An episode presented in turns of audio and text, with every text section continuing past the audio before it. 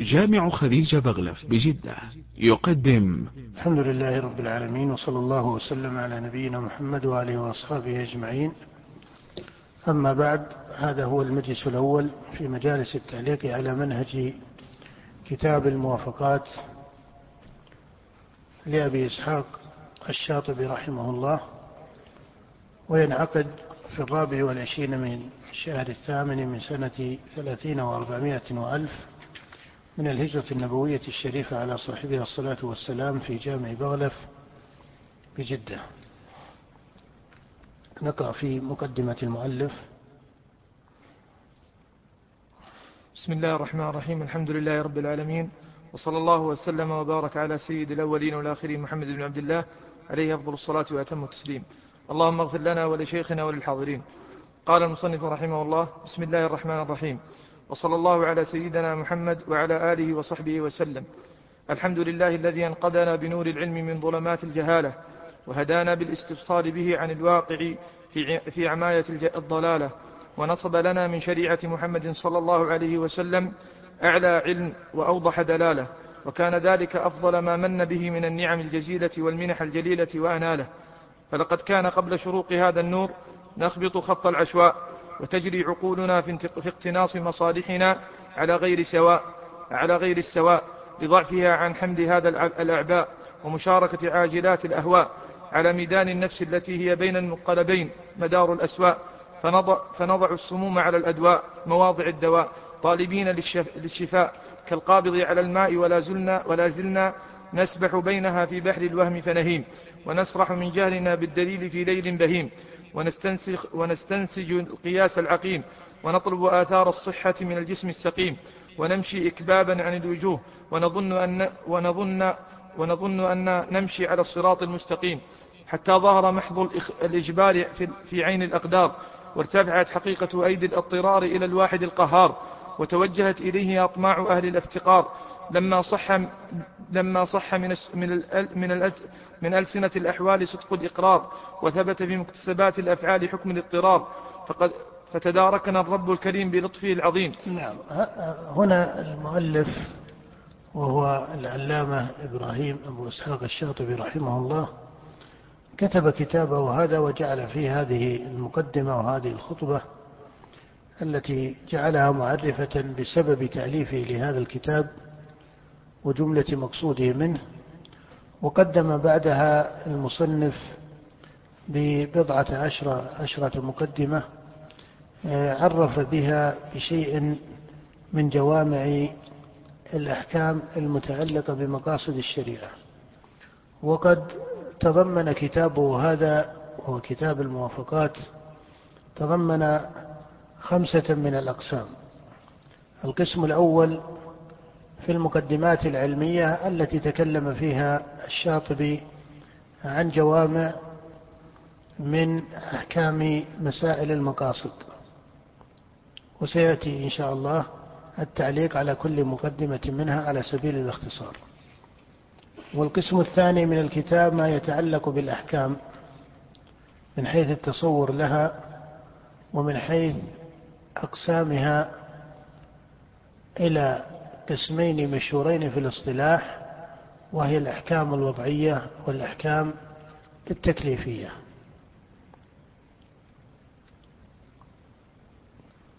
والقسم الثالث بعد الأحكام تكلم فيه الشاطبي عن المقاصد الشرعية. وهذا القسم كأنه هو الاختصاص الأميز في كتاب الموافقات. وإنما كان الاختصاص الأميز لأن ما يتعلق بالأحكام وأقسامها التكليفية والوضعية هذا مقول بشيء من التفصيل وذكر الخلاف فيه على سبيل التوسع في كتب أصول الفقه التي صنفت في المدارس الفقهية. فإن علماء الحنفية والمالكية والشافعية وكذلك الحنابلة كتبوا في أصول الفقه. وظهر في التصنيف في أصول الفقه كما تعلم طريقتان. طريقة عرفت بطريقة المتكلمين وطريقة عرفت اصطلاحا بطريقة الفقهاء. وإن كان الإطلاق في هذين أو في هاتين الطريقتين فيه بعض التجوز من جهة أن تسمية أحد الطريقتين بطريقة المتكلمين والطريقة الثانية بطريقة الفقهاء لم يتحقق فيه فرق من جهة الامتياز. بمعنى أن كلا الطريقتين حقيقتها نسج على نظرية علم الكلام. من جهة التقاسيم ومن جهة الاصطلاحات. فكتب أصول الفقه حتى التي كتبت على ما سمي بطريقة الفقهاء هي مبنية على نسج نظرية علم الكلام التي لها أسانيد ممتدة من المئة الثانية الهجرية. وإن كان علم الكلام فيما يتعلق بأصول الفقه لم يبلغ أثره الأثر الذي بلغه في هذه المدارس الكلامية في مسائل أصول الدين. فإنه في مسائل أصول الدين كانوا يتكلمون عن علم الكلام باعتباره مقدمة علمية يستلزم نتيجة وهي التي حصل عنها ما عرف بمذاهب الطوائف الكلامية العقدية كمذهب المعتزلة ونحوها. أما في أصول الفقه فلما كان من يتكلم حسب النظرية الكلامية لا من حيث المعنى العلمي فيها وإنما من حيث الاصطلاح فحسب. وينظرون في الفروع الفقهية وفي أدلتها فصار علم الكلام فيما يتعلق بأصول الفقه أثره في الجملة اصطلاحي وهذا هو الفرق. علم الكلام لما استعمل في العقائد استعمل كمعنى علمي ليس اصطلاحي ليس لفظا اصطلاحيا. استعمل كحقيقة علمية موصلة أو كمقدمة علمية موجبة لإيش؟ لنتيجة. هذه النتيجة هي التي عرفت بمدرسة بمذهب المعتزلة في الصفات مذهب المعتزلة في القدر إلى آخره. أو غيره من المدارس غير المعتزلة التي تبنت علم الكلام كمقدمة نظرية علمية موجبة لإيش؟ لنتيجة مذهبية. في أصول الفقه ال الذين كتبوا في أصول الفقه أكثرهم وبخاصة الذين أسسوا تصنيع يعني كتابة علم أصول الفقه بنمطه المنظم أغلب الذين كتبوا فيه هم من علماء الكلام. وإن كانوا فقهاء من وجه آخر وهم فقهاء على مذهب الشافعي أو على مذهب أبي حنيفة أو على مذهب مالك وأخذوا الفروع الفقهية عن علماء مذهبهم إلى آخره. فأنت إذا ذكرت مثلا كتاب المحصول لمحمد بن عمر الرازي في أصول الفقه فالرازي متكلم بمعنى أنه من علماء الكلام ومن منظري علم الكلام على طريقة أبي الحسن الأشعري. لكنه فقيه شافعي من باب آخر. هنا لم يستعمل علم الكلام كنظرية علمية موجبة لنتيجة مذهبية إنما استعمل علم الكلام وأداته التي هي المنطق وهي التي سماها أبو حامد الغزالي المعيار كما في رسالته معيار العلم لما تكلم عن المنطق استعمل علم الكلام هنا كاصطلاح. فإذا هذا هو الفرق. علم الكلام الذي كتب أو أثر علم الكلام أثر علم الكلام في أصول الفقه هو أثر اصطلاحي في الجملة أثر اصطلاحي في الجملة. إلا هناك مسائل استثناء إلا أن ثمة مسائل استثناء. يعني مثلا لما تكلموا في التحسين والتقبيح العقليين هذا أثر ليس اصطلاحي. هل الشريعة تحسن وتقبح أو التحسين التحسين والتقبيح مقصور على الشريعة أم أن التحسين والتقبيح يقع بالعقل؟ هذه مسألة كما تعرف ليست اصطلاحية. وفي كتب أصول الفقه ينصب الخلاف فيها بين الحنفية فيقال إن الحنفية يقولون بالتحسين والتقبيح العقلي وبين الشافعية لأن البحث هنا ليس في العقائد إنما البحث في الفقه. ودليله وأصله أليس كذلك؟ فيجعلون الخلاف هنا منصوبا بين الأحناف وبين الشافعية. فالأحناف أو جمع أو, الطائفة من علماء الحنفية يقولون بالتحسين والتقبيح العقلي والطائفة من علماء أو طائفة من من الشافعية يجعلون التحسين والتقبيح العقلي من الشريعة فحسب وأن العقل لا أثر له مطلقا في التحسين والتقبيح.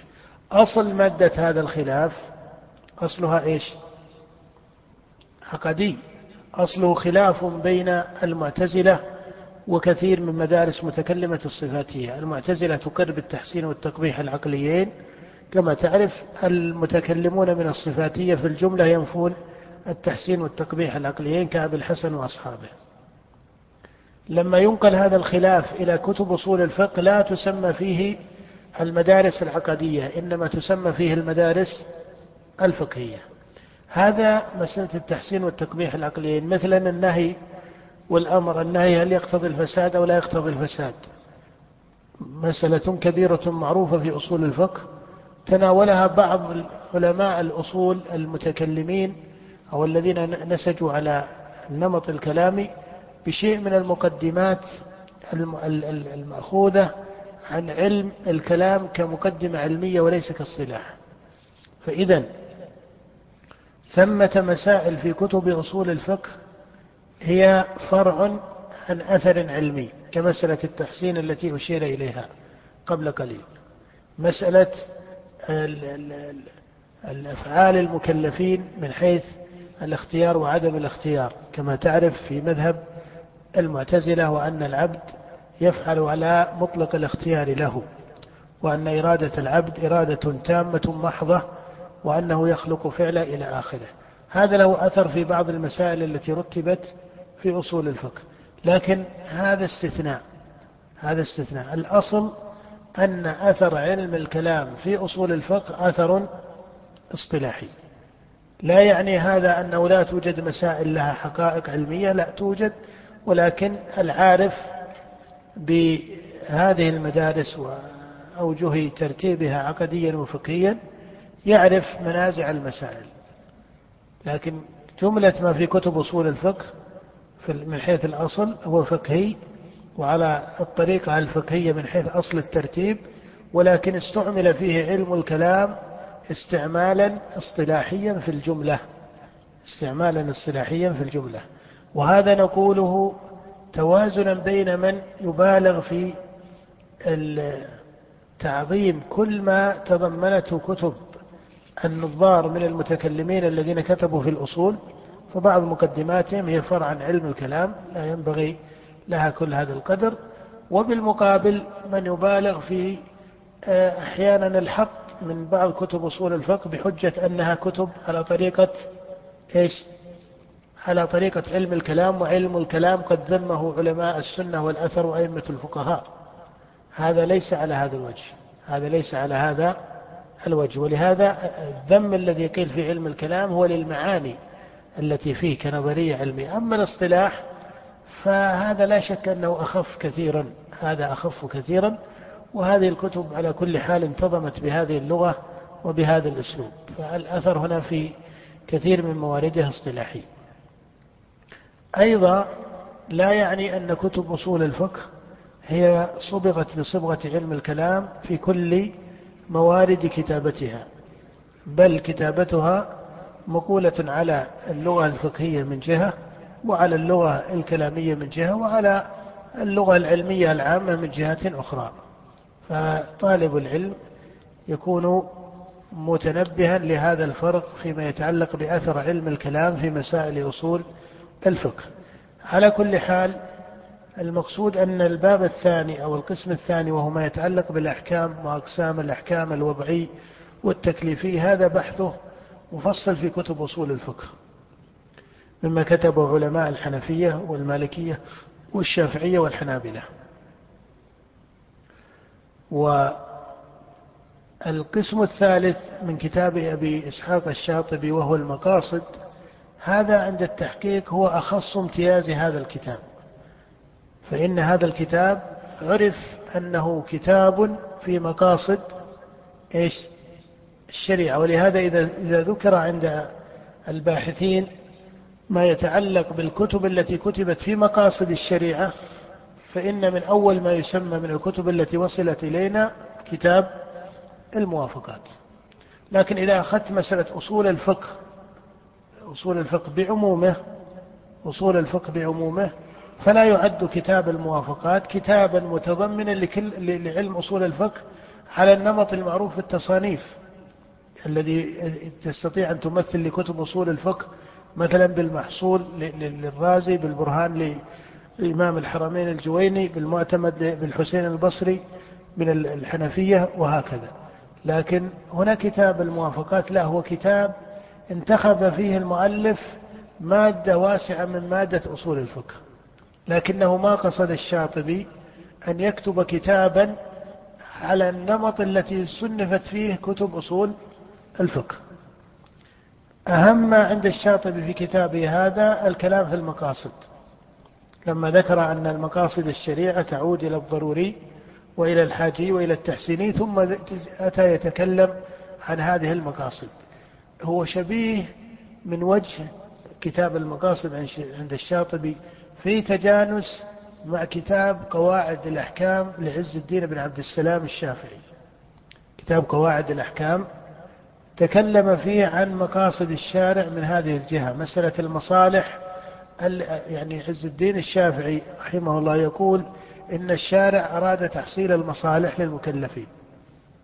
ثم يتكلم عن هذه المصالح ويذكر المصالح الضرورية والمصالح الحاجية والمصالح التحسينية.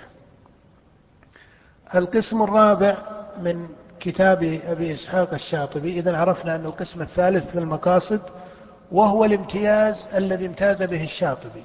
الشاطبي امتاز في كتابه هذا بحديثه عن ماذا؟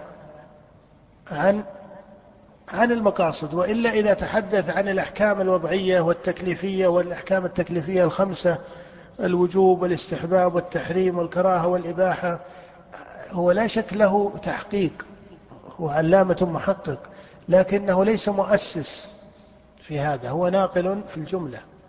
إذا تكلم عن الأحكام الوضعية وما إلى ذلك والتكليفية هو ناقل في الجملة إلا في بعض إشاراته وتنبيهاته التي هي نوع من الترجيح أو الاختيار عنده لكن كلامه في المقاصد ليس نقلا. ليس نقلا إنما هو استقراء من كتب العلماء ومن عامة مسائل الشريعة ونصوص الشارع. ثم كتب هذه التي نستطيع أن نقول إنها نظرية مركبة ركبها الشاطبي مما نص عليه غيره ومما استقرأه هو من كلام الشارع أو من كلام العلماء. أشبه ما أجاب به ابن قتيبة لما سئل عما كتبه في اللغة أهو من كلام المتقدمين أو ليس من أهو منقول عن المتقدمين أم أنه غيره فماذا قال؟ قال هو كلامهم غاض ثم فاض فليس هو إياه وليس هو غيره. ابن قتيبة لما سئل عما كتبه في اللغة وهو كما تعرف صاحب امتياز متمكن في في اللغة حتى قيل إنه خطيب أهل السنة. يقول ابن قتيبة لما سئل هل هذا نقل من السابقين؟ قال هو كلامهم غاض ثم فاض يعني استودعه في نفسه ثم أخرجه بهذه الصفاء وهذا التحليل وهذا التركيب البلاغي. فكذلك في كلام الشاطبي امتيازه في المقاصد. امتيازه فيما أسسه في المقاصد. أما في كتاب الأحكام فهو في الجملة ناقل وإن كان له إشارة وتنبيه. الكتاب الرابع في حصر الأدلة الشرعية. في حصر الأدلة الشرعية. والكتاب الخامس في الاجتهاد وأحكامه. وتعرف أن كتاب الاجتهاد أو باب الاجتهاد عامة من كتب في أصول الفقه تكلموا عن الاجتهاد وعن نظرية الاجتهاد. وإن كان ما يتعلق بالاجتهاد بخاصة آه، القراءة في كتب أصول الفقه لكتاب الاجتهاد وما يقابله بحاجة إلى درجة كبيرة من حسن الإدراك لأنه وضع الاجتهاد وصار في الاصطلاح يقابله إيش؟ التقليد. ثم يأتي بعض المائلين إلى طريقة أهل الحديث فيمنعون التقليد. ثم إذا نظرت في الاجتهاد وجدت أن شرطه أن شرطه عزيزا أو أن شرطه عزيز وجدت أن شرط الاجتهاد عزيز من حيث التحقق. بمعنى من هو الذي يتحقق فيه أنه مجتهد وتعرف الشروط التي ذكروها وهي في الجملة أحيانا تكون شروط متعذرة الوقوع في كثير من الأحوال وقصور المسلمين. فمسألة الاجتهاد وتسمية المجتهد وأقسام الاجتهاد يحتاج إلى نوع من حسن النظر في كلام علماء الأصول فيه على كل حال. إذا هذه الكتب أو الأقسام الخمسة التي تضمنها كتاب الشاطبي المقدمات العلمية الأحكام المقاصد حصر الأدلة الشرعية أحكام الاجتهاد والتقليد. التنبيه هنا إلى حسن تسمية الشاطبي لهذه الأقسام الخمسة يدل على متانة إدراكه لعلم أصول الفقه. لأن علم أصول الفقه عرف كما تعلم بعدة تعاريف ولكن الذي أرى أنه يكون مبينا للمقصود منه عند طالب العلم أن يقال أصول الفقه هو تسمية أدلة الشريعة وبيانها. أصول الفقه تسمية أدلة الشريعة وبيانها. المقصود بتسمية أدلة الشريعة هو تعيين الأدلة بأن تقول الكتاب دليل والسنة دليل والدليل على هذا وهذا صريح متواتر بدهي ثم تقول والإجماع دليل. فأنت هنا الآن إيش؟ في القسم الأول من أصول الفقه وهو ماذا؟ تسمية الأدلة. تقول الإجماع دليل. الدليل على كون الإجماع دليلا تأتي بما استدل به على كون الإجماع دليلا كقول الله سبحانه وهو أصرح آية استدل بها العلماء على تسمية الإجماع.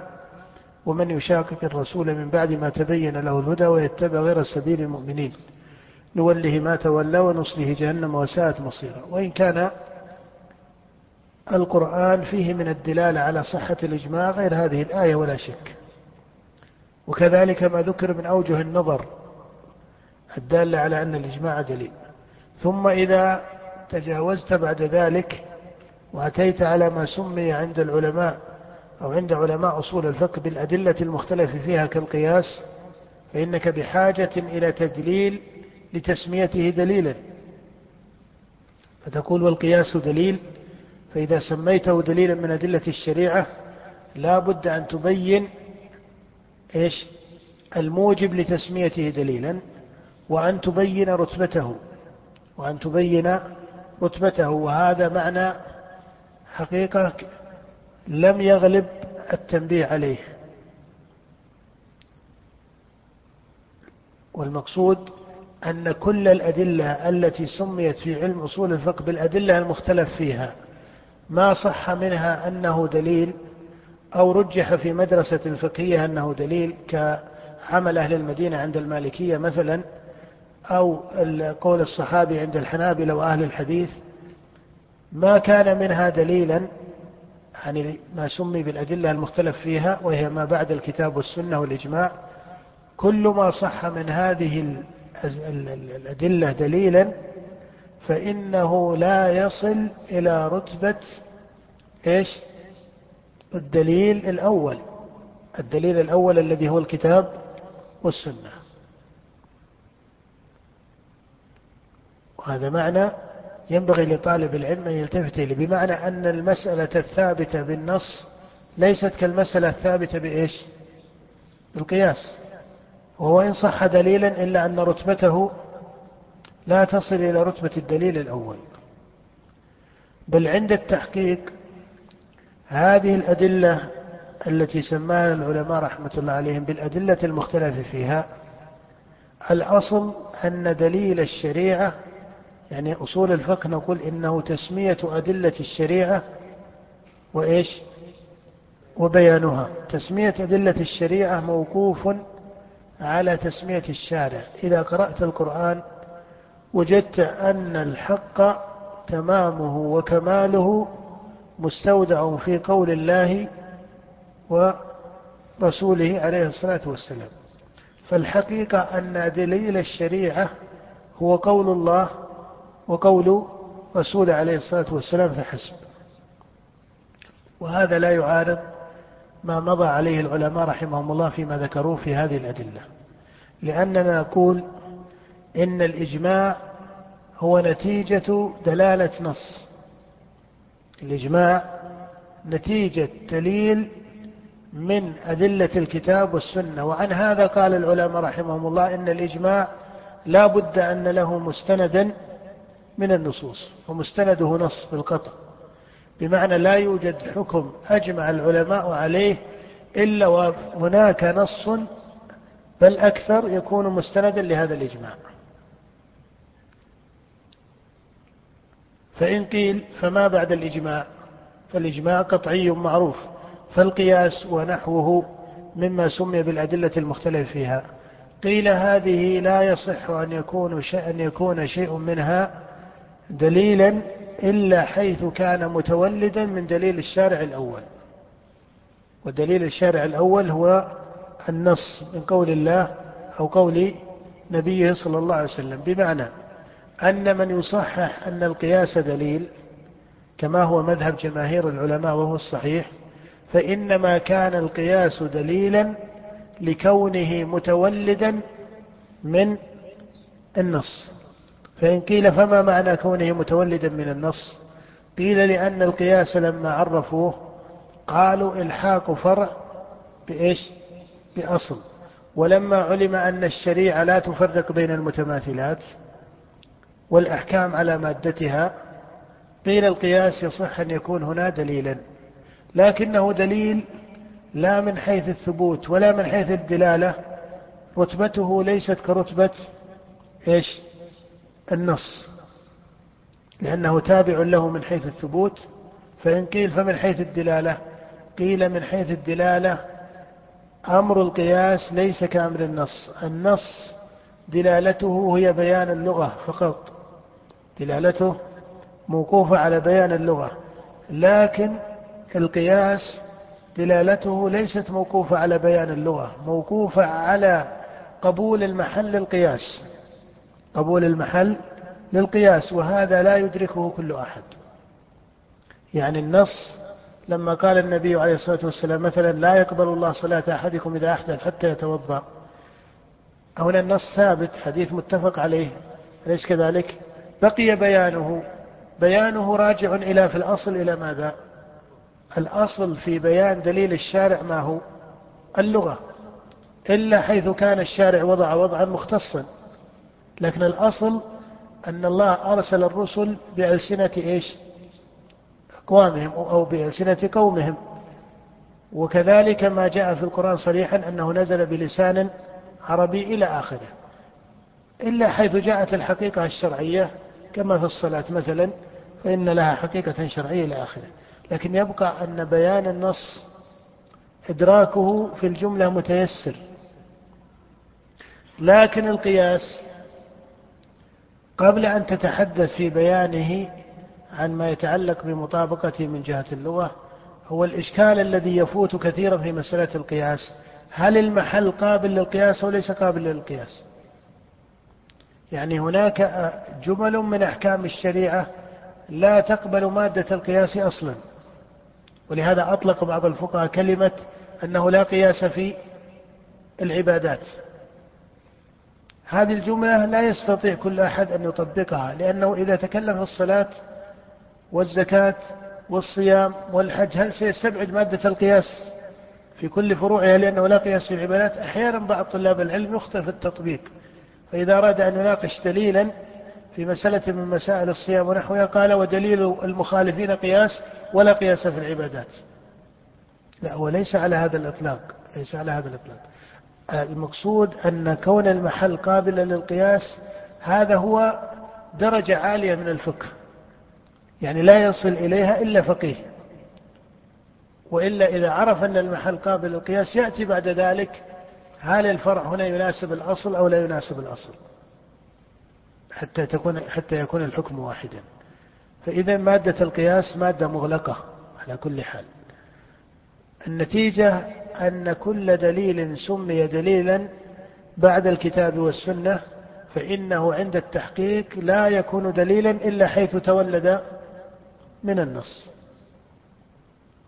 فمن يجعل القياس دليلا يقول لأنه متولد من النص لأنه إلحاق الفرع بالأصل وهو النص وبحكمه والشريعة لا تفرق بين المتماثلات وعن هذا تجد أنك إذا تكلمت عن عمل أهل المدينة تقول الراجح أنه ليس دليلا من أدلة الشريعة لماذا؟ لأنك لا تستطيع أن تبين أنه متولد من إيش؟ من النص وقول آحاد الصحابة قول آحاد الصحابة لا تستطيع أن تقول إنه دليل على الراجح لماذا؟ لأنك لا تستطيع أن تبين بوجه علمي أنه متولد من النص أليس في القرآن كثيرا أن الحكم هو حكم الله ورسوله عليه الصلاة والسلام لكن إذا تكلمت عن قول الصحابي الذي لم يخالفه غيره فهنا تميل به إلى مادة معنى الإجماع وأنهم هم الأدرى بتفسير كلام الشارع. فيأتي هذا الوجه من الاستصحاب. من جنس ما قال فيه حفاظ الحديث إن له حكم إيش؟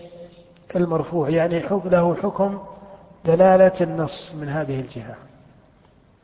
القصد أنك يعني طالب العلم لا يصح أن ينظر إلى القياس على أنه دليل منفك عن الكتاب والسنة. وإلا لو انفك تماما ماذا؟ ما صح ما صح دليلا. لو انفك تماما ما صح دليل ولهذا إذا قابل القياس نصا سمي قياسا إيش؟ فاسد الاعتبار. سمي قياسا فاسد الاعتبار أي فاسد النظر فيه لا يصح النظر فيه. لأنه انفك عن النص وإن كان قياسا لكنه فاسد الاعتبار. جاء الأذان باقي كم بقي على الأذان يا شيخ؟ سبع دقائق عشر دقائق؟ طيب. إذا هذا معنى في دراسة الكتاب الموافقات بشكل خاص أو كتب أصول الفقه بوجه عام يعتنى به. إذا عرفنا أن أصول الفقه والموافقات مادته جزء من مادة أصول الفقه أن أصول الفقه هو تسمية إيش؟ أدلة الشريعة. تسميتها أنها الكتاب والسنة أو ما تولد منها بوجه مبين من العلم. قال أو هنا تمام التعريف تسمية أدلة الشريعة وبيانها. بيان إيش؟ بيان الأدلة وهذا ما سماه العلماء بالدلالة. فالأول تبين به ثبوت الدليل. حيث التسمية لا من حيث الإسناد المعين كما في رواية الأحاديث هذا باب آخر. وإنما تبين ثبوت الدليل أن تقول السنة دليل والإجماع دليل والقياس دليل إلى آخره. وبيانها البيان يتعلق بدلالة الألفاظ. وأصل البيان أصل البيان الأصل فيه ماذا؟ اللغة. وعن هذا فإن المقبل على دراسة علم أصول الفقه لا بد أن يكون عارفا بقدر مناسب من علم اللغة.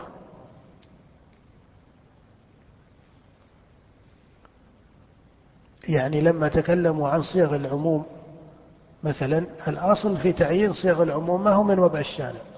الأصل أنها وضع إيش؟ وضع من اللغة. لما تكلموا مثلا في الأمر هل الأمر يقتضي التكرار أو لا يقتضي التكرار؟ وكذلك النهي وهل هو على الفور أو على التراخي؟ هنا يستعملون عرف صاحب اللغة. واضح؟ أحيانا يأتي التعيين الشرعي لكن الأصل في البيان أنه لغوي. كما أن الأصل في التسمية أنها إيش؟ شرعية. الأصل في التسمية أنها شرعية الأصل في البيان أنه بلسان عربي مبين يعني الأصل فيه لغة العرب. إلا الحقائق التي وقفت على وضع الشارع. ولهذا لما تكلم أبو محمد بن حزم رحمه الله عن الصلة بين الشريعة واللغة ذكر فيها للنظار ستة مذاهب كما ترى ذلك في كتابه الفصل في الملل والأهواء والنحل. ذكر ستة مذاهب في العلاقة بين الشريعة وإيش؟ واللغة. هل اللغة جاء هل الشريعة زادت على اللغة؟ أو الشريعة نقلت عن اللغة؟ أو الشريعة أقرت وضع صاحب اللغة؟ فلا بد أن يكون مقرا إلى آخره. ذكر فيها ما يقارب ستة مذاهب وذكرها عنه الإمام ابن تيمية في كتبه ورجح ما انتهى إليه بحثه فيها. المقصود أن العلاقة بين الشريعة واللغة هو في القسم الثاني من قسم أو من موضوع أصول الفقه وهو ما يتعلق بماذا؟ ببيان الأدلة. نظرنا في هذا الكتاب ليس نظرا في كل مادة أصول الفقه، لا في تسمية الأدلة ولا في بيانها وإنما نظر في مادة هي نتيجة لبيان هذه الأدلة وهي ما يتعلق بمقاصد الشريعة وهي المعنى الأجل في كتاب أبي إسحاق الشاطبي أنه تكلم عن مقاصد الشريعة. الشاطبي رحمه الله لما تكلم عن المقاصد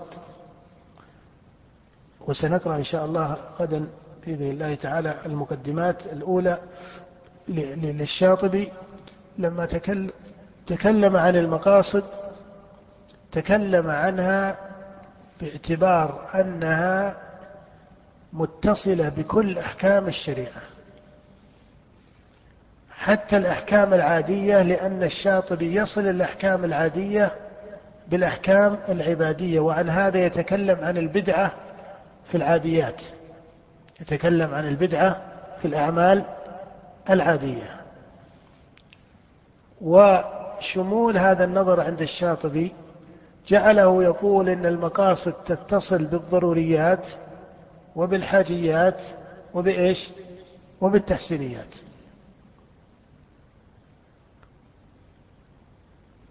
من أهم ما تعرف وأنت تقرأ كتاب ابي إسحاق الشاطبي وهو كتاب نفيس عزيز في بابه لكن يبقى أن طالب العلم يقرأ كباحث وقد تكون بعض الإشارات أو التنبيهات التي ينتهي إليها الشاطبي محل نظر أو قوله فيها مرجوحا فهو كتاب فيه مادة واسعة من اجتهاده فلا يلزم أنك كما لو أنك قرأت في كتاب المغني مثلا لابن قدامة في الفقه فلا يلزم أن كل ما استودع في هذا الكتاب يكون راجحا أليس كذلك؟